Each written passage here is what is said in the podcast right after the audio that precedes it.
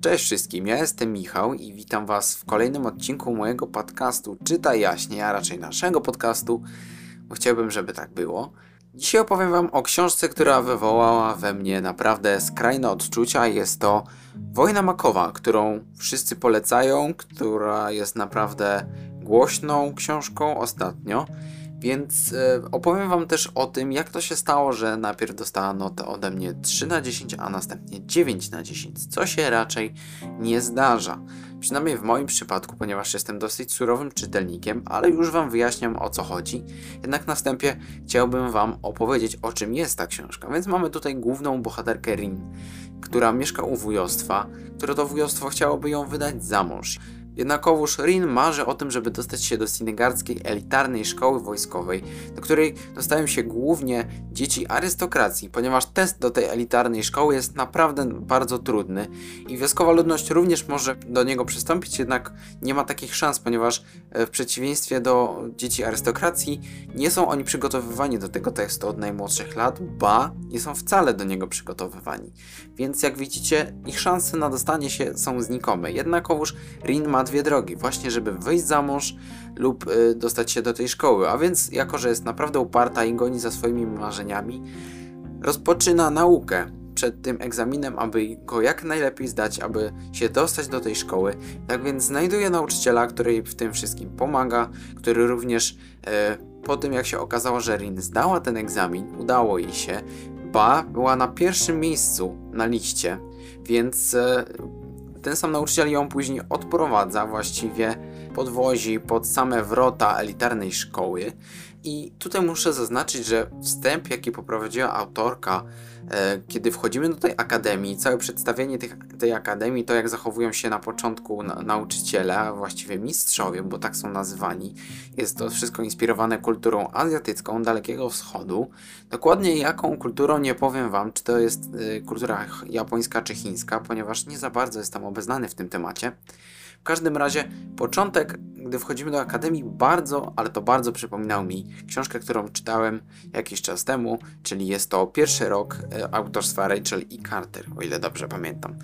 To myślę, że jest pierwszą rzeczą, a raczej może drugą, która mi się tak rzuciła w oczy, ponieważ znalazłem tu już, na, już pomimo tego wstępu, znalazłem już tu jeden absurd. Bo jak widzicie, mamy tu elitarną szkołę wojskową, do do której egzamin jest naprawdę bardzo trudny i dostają się nieliczni, jednakże polega on na wykuciu lektur.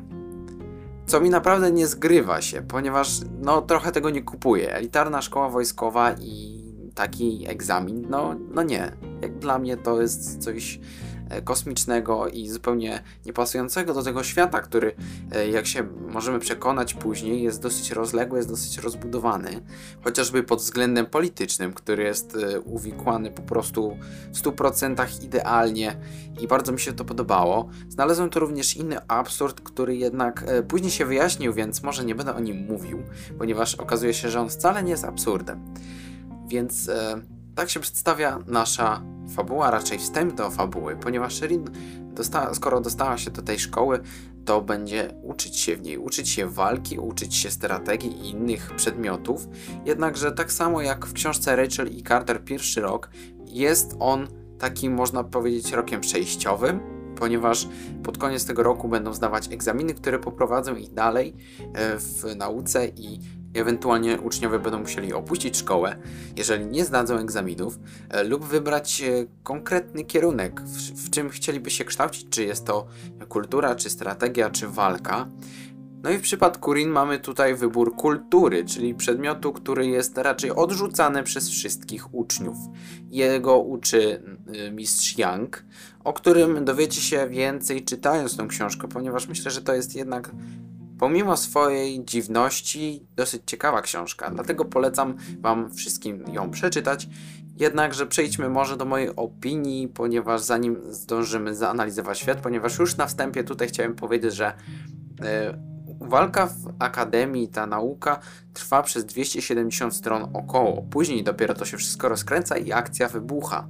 Co mi nie za bardzo pasuje, nie jestem raczej fanem takiego rozwiązania, jeżeli ma się coś dziać, to chociażby etapowo, coś co by nas przygotowywało do tej ciągłej akcji, która nie odpuszcza aż do ostatniej strony, nie daje nam chwili wytchnienia.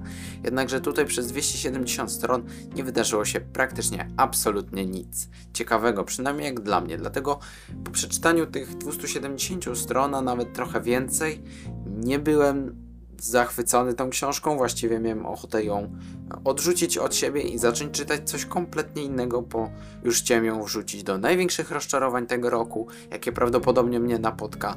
Dlatego takie było moje ogromne zdziwienie, kiedy po przeczytaniu tej książki zastanawiałem się, jaką jej ocenę dać, ponieważ przez trudny dla mnie początek nie mogłem dać 10 na 10, chociaż bym w pewnym momencie bardzo tego chciał. Jednakże gdy chciałem dać 8 na 10, też mi coś nie pasowało, bo jednak to jest za mało. A 9 na 10 myślę, że to jest taka optymalna ocena dla tej książki, względu na właśnie ten nudny początek. I myślę, że fajnie, żebyście wy, tak jak ja, się nie zarażali do tej książki po takim długim, nudnym wstępie, przynajmniej jak dla mnie, ponieważ ona naprawdę się rozkręci. I to rozkręci się na bazie kilku stron. Akcja dosłownie wybucha, dlatego to, jakie emocje później nas czekają, jest warte tego przemęczenia się. Chociaż wiem, że są osoby, którym ta książka się podoba od pierwszych stron. I wcale się temu nie dziwię, ponieważ rzeczywiście sam początek, kiedy poznajemy Rin, jest dosyć ciekawy. Możemy się wdrożyć w to wszystko i poznać, jak to wszystko działa. Chociaż później robi się to dosyć nudne, ponieważ już e, nic nie poznajemy nowego, jedynie drążymy temat akademii. I mamy tutaj coś, co jest naprawdę niestandardowe w książkach, coś, czego dawno nie napotkałem. Jest to relacja, która opiera się raczej na przyjaźni e, po nienawiści, czyli takie można powiedzieć hate to friendship, jeżeli już tak nazywamy. Ba, nie ma tu żadnego wątku miłosnego, co jest raczej dużym zaskoczeniem dla wszystkich, ponieważ w większości takich książek pojawia się wątek miłosny, wątek romantyczny, który na koniec jest albo nieszczęśliwy, albo szczęśliwy, aż e, chce się wymiotować. Prawdę mówiąc, ja nie jestem e, chyba fanem wątków miłosnych, jednakże podoba mi się czasem, jeżeli są one zarysowane, ale tak, żeby nie przyćmiewały fabuły. A tutaj takiej relacji nie ma wcale. Wszystkie bliskie relacje opierają się jedynie na przyjaźni, co było dosyć dla mnie takie nowe, ponieważ w większości książek się pojawia wątek miłosny. No sami przyznajcie. Dlatego tutaj możecie czuć się zaskoczeni, chociaż jak wskazuje nazwa mojego podcastu Czytaj Jaśniej, czyli chodzi o to, abyście wiedzieli bez ogródek, mieli jasną świadomość tego, co czytacie. No więc tak, może przejdźmy już do drugiej strony książki, czyli tej lepszej, ponieważ jest jej zdecydowanie więcej. I myślę, że tutaj warto się zastanowić nad tym, jak młoda osoba pisała to, ponieważ Rebecca F. Kwang, autorka Wojny Makowej, z tego co wiem, zaczęła pisać Wojnę Makową już w wieku 19 lat. I pisząc tą historię, inspirowała się kulturą wschodnią, także największymi ludobójstwami z tamtych e, miejsc, co bezpośrednio widać, ponieważ niektóre opisy są tak zatrważające, tak naprawdę szokujące, że mi autentycznie robiło się niedobrze, czytając niektóre z tych opisów, ponieważ były naprawdę, naprawdę brutalne. I byłem w szoku, kiedy dowiedziałem się, że napisała to tak młoda osoba, ponieważ charakterystyka tej powieści i to wszystko, cała ta otoczka, wcale nie jest podobna do tej łagodnej kobiety, którą możemy e, zobaczyć e, z tyłu książki, więc to również było ogromnym dla mnie zaskoczeniem, ale także e, rozwój bohaterów, rozwój fabuły, który przekonał mnie jednak do tego, aby dać tej książce szansę. I co myślę, że jeszcze trzeba na pewno zaznaczyć, to to, że wszystkie wydarzenia, począwszy od tych najbardziej brutalnych, po te dosyć, można powiedzieć, czasami błahe, kształtują naszych bohaterów, co tylko dodaje realizmowi, dodaje immersji temu światowi i naprawdę cudownie się to czyta. Cudownie się to czyta, widząc jak bohaterowie zmieniają się z wydarzenia na wydarzenie, przechodzą z miejsca na miejsce i to w jakiś sposób ich kształtuje, zmienia ich cechy charakteru, to jak odbierają pewne sprawy, to jak odbierali je wcześniej, jest zupełnie inne od tego, jak odbierali takie podobne sprawy w akademii. Oczywiście Akcja tej książki dzieje się na przestrzeni kilku lat, czyli jak zaczynamy z Rin, która ma 14 lat, tak kończymy e, z główną bohaterką, która ma 18 bodajże. Więc sami widzicie, że to jest dosyć taka skondensowana historia, ponieważ Mieści ona 600 stron. I nie powiem, że to jest mało, jednakże myślę, że jest to wystarczająco, aby pewne wątki rozwinąć, aby dać czytelnikowi takie poczucie, że chce się więcej. I szczerze powiedziawszy, będę czytał i czekam na kolejny tom, ponieważ to, co się wydarzyło na koniec, troszeczkę mnie zdenerwowało, że autorka przerwała w takim momencie, a z drugiej strony zakończyło się to dosyć łagodnie pod takim względem, że nie mieliśmy yy, cliffhangera. Jednakże nie oznacza to, że koniec yy, był happy endem, bo wcale tak nie jest. Jest to jedynie jedna część yy, wielkiej historii, którą mam nadzieję, że ujrzymy już niedługo dzięki wydawnictwie Fabryka Słów ponieważ jest to trylogia, jak możemy przeczytać na początku tej książki. I szczerze dziwię się samemu sobie, że nie porzuciłem tam tej książki, ponieważ zwykle jak mi się jakaś nie podoba, po około 200 stronach, to już do niej nie wracam, bo nie widzę w tym sensu.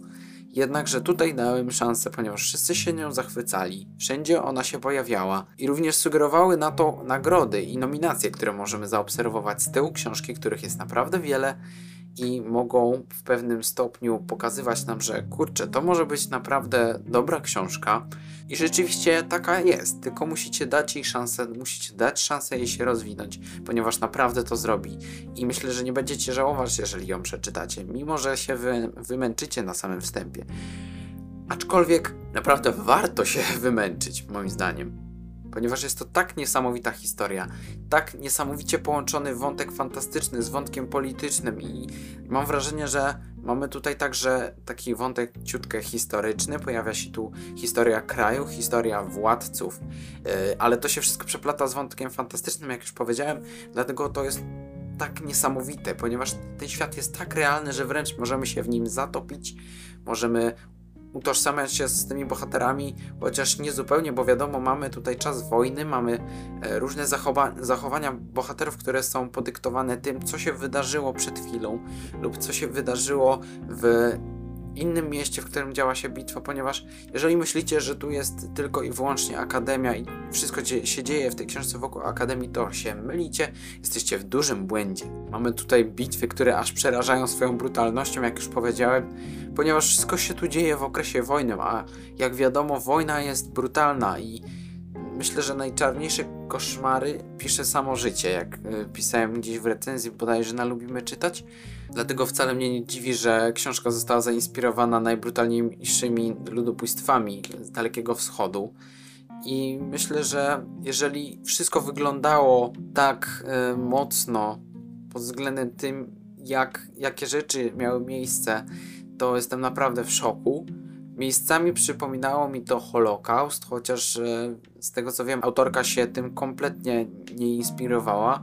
Choć miejscami, jeżeli ktoś czytał medaliony, to może poczuć takie e, malutkie nawiązanie. No ale mamy tutaj cesarstwa, które się ze sobą spierają, ponieważ jedno cesarstwo chce wytępić drugie, mówiąc bez ogródek, co później doprowadza do tego, że cały kraj jest wycieńczony, ma coraz słabsze siły wojskowe i wydaje się ta wojna przegrana, lecz w pewnym momencie dzieje się twist i zdarza się coś nieoczekiwanego. I to na tyle nieoczekiwanego, że nawet wy, słuchając tego, co wam przed chwilą powiedziałem, nie jesteście w stanie sobie tego wyobrazić, nawet co tam się wydarzy. Wątek fantastyczny, a jeszcze mam wrażenie, że o tym nie wspominałem, e, polega na szamanach, polega na bogach, ponieważ szamani są pewnymi takimi, można powiedzieć, naczyniami, takimi narzędziami bóstw, a raczej to bóstwa są narzędziami szamanów, ponieważ to się e, trochę w pewnym momencie zaciera. Większość szamanów przynajmniej operuje na opium i innych mocnych e, substancjach, aby dostać się do panteonu, czyli takiej, można powiedzieć, boskiej twierdzy, w której e, znajdują się bogowie, i to oni właśnie napełniają tych szamanów, bo nie wszyscy są szamanami w tej książce, swoją mocą, co wydaje się dosyć ciekawe, ponieważ mamy tutaj takich bogów jak chociażby Feniks, czyli bóg ognia, który jest także bogiem zemsty, więc jak możecie się spodziewać, będzie grubo. Będzie grubo, akcja naprawdę będzie znakomita, nie będziecie mogli się oderwać w pewnym momencie. I mamy tutaj wątek, który bardzo skojarzył mi się z tematem maturalnym, mianowicie czy człowiek jest kowalem własnego losu, mniej więcej tak on brzmiał. Mam nadzieję, że wiecie o co mi chodzi. I mamy tutaj przedstawione, że bogowie tłumaczą w pewnym momencie, że oni nie narzucają, że nic nie jest zapisane, że to wszystko, co się dzieje, jest jedynie decyzjami ludzi, że oni się w żaden sposób nie wtrącają, tylko jeżeli zostaną o to poproszeni, wymodleni. Więc e, mamy tutaj taką relację między szamanami a e, bogami. Jest ona dosyć e, skomplikowana, ponieważ w pewnym momencie bogowie zaczynają za bardzo wypełniać daną osobę, danego szamana i ta osoba traci zmysły w pewien konkretny sposób. Jednakże myślę, że jest to dosyć ciekawe połączenie, ponieważ jeszcze nie spotkałem się w książkach z takim wątkiem fantastycznym, który opierałby się na szamanach i na bogach. Myślę, że to dosyć ciekawe rozwiązanie, dosyć nietypowe, dlatego autorce należą się duże, duże brawa za pomysłowość, a także to, jak odwzorowała sceny walki. To naprawdę szapoba. Najbardziej, jeżeli miałbym wybrać z bohaterów, to jest raczej wiadomość do tych, co już czytali. Najbardziej podobała mi się postać Altana, który jest jedną z ciekawszych postaci w tej całej historii, chociaż właściwie dowiadujemy się o nim naprawdę dużo dopiero pod koniec książki. Mimo tego jest moją ulubioną postacią w Wojnie Makowej i naprawdę polecam Wam się wszystkim zapoznać z tą historią. Podsumowując, jest to książka brutalna, zdecydowanie nie dla y, młodszej młodzieży lub y, dla młodszych czytelników. Jest to zaskakująca książka akcji, która nie odrywa czytelnika aż do końca, ale niestety nie od początku. Dlatego ocena jest 9 na 10, dlatego ocena miała być 3 na 10. Jednakże wiem, że są osoby, które twierdzą, że jest to książka przewidywalna. Ja nie wiem, w jaki sposób miała być ona przewidywalna, ponieważ ja tego nie potrafiłem zrobić i myślę, że wszyscy fani fantastyki będą nią zachwyceni. Dlatego polecam Wam bardzo, bardzo gorąco tą książkę. Jeżeli jej nie macie w swoich łapkach, to zachęcam Was, abyście ją jednak sobie zakupili lub pożyczyli z biblioteki, jeżeli już w Waszych bibliotekach jest taka możliwość, ponieważ jest prawdziwie warta zapoznania. To tyle, jeżeli miałem e, do powiedzenia o wojnie makowej. No i cóż ja teraz mogę powiedzieć? Mogę jedynie powiedzieć tylko, że musicie to przeczytać, ponieważ ominie Was coś naprawdę oryginalnego. Dlatego dziękuję Wam za wysłuchanie tego podcastu. Być może przynudzałem, być może nie. Mam nadzieję, że jednak czujecie się zachęceni do przeczytania, do sięgnięcia po tą pozycję, ponieważ naprawdę, naprawdę warto. I widzimy się w następnym podcaście. Pa!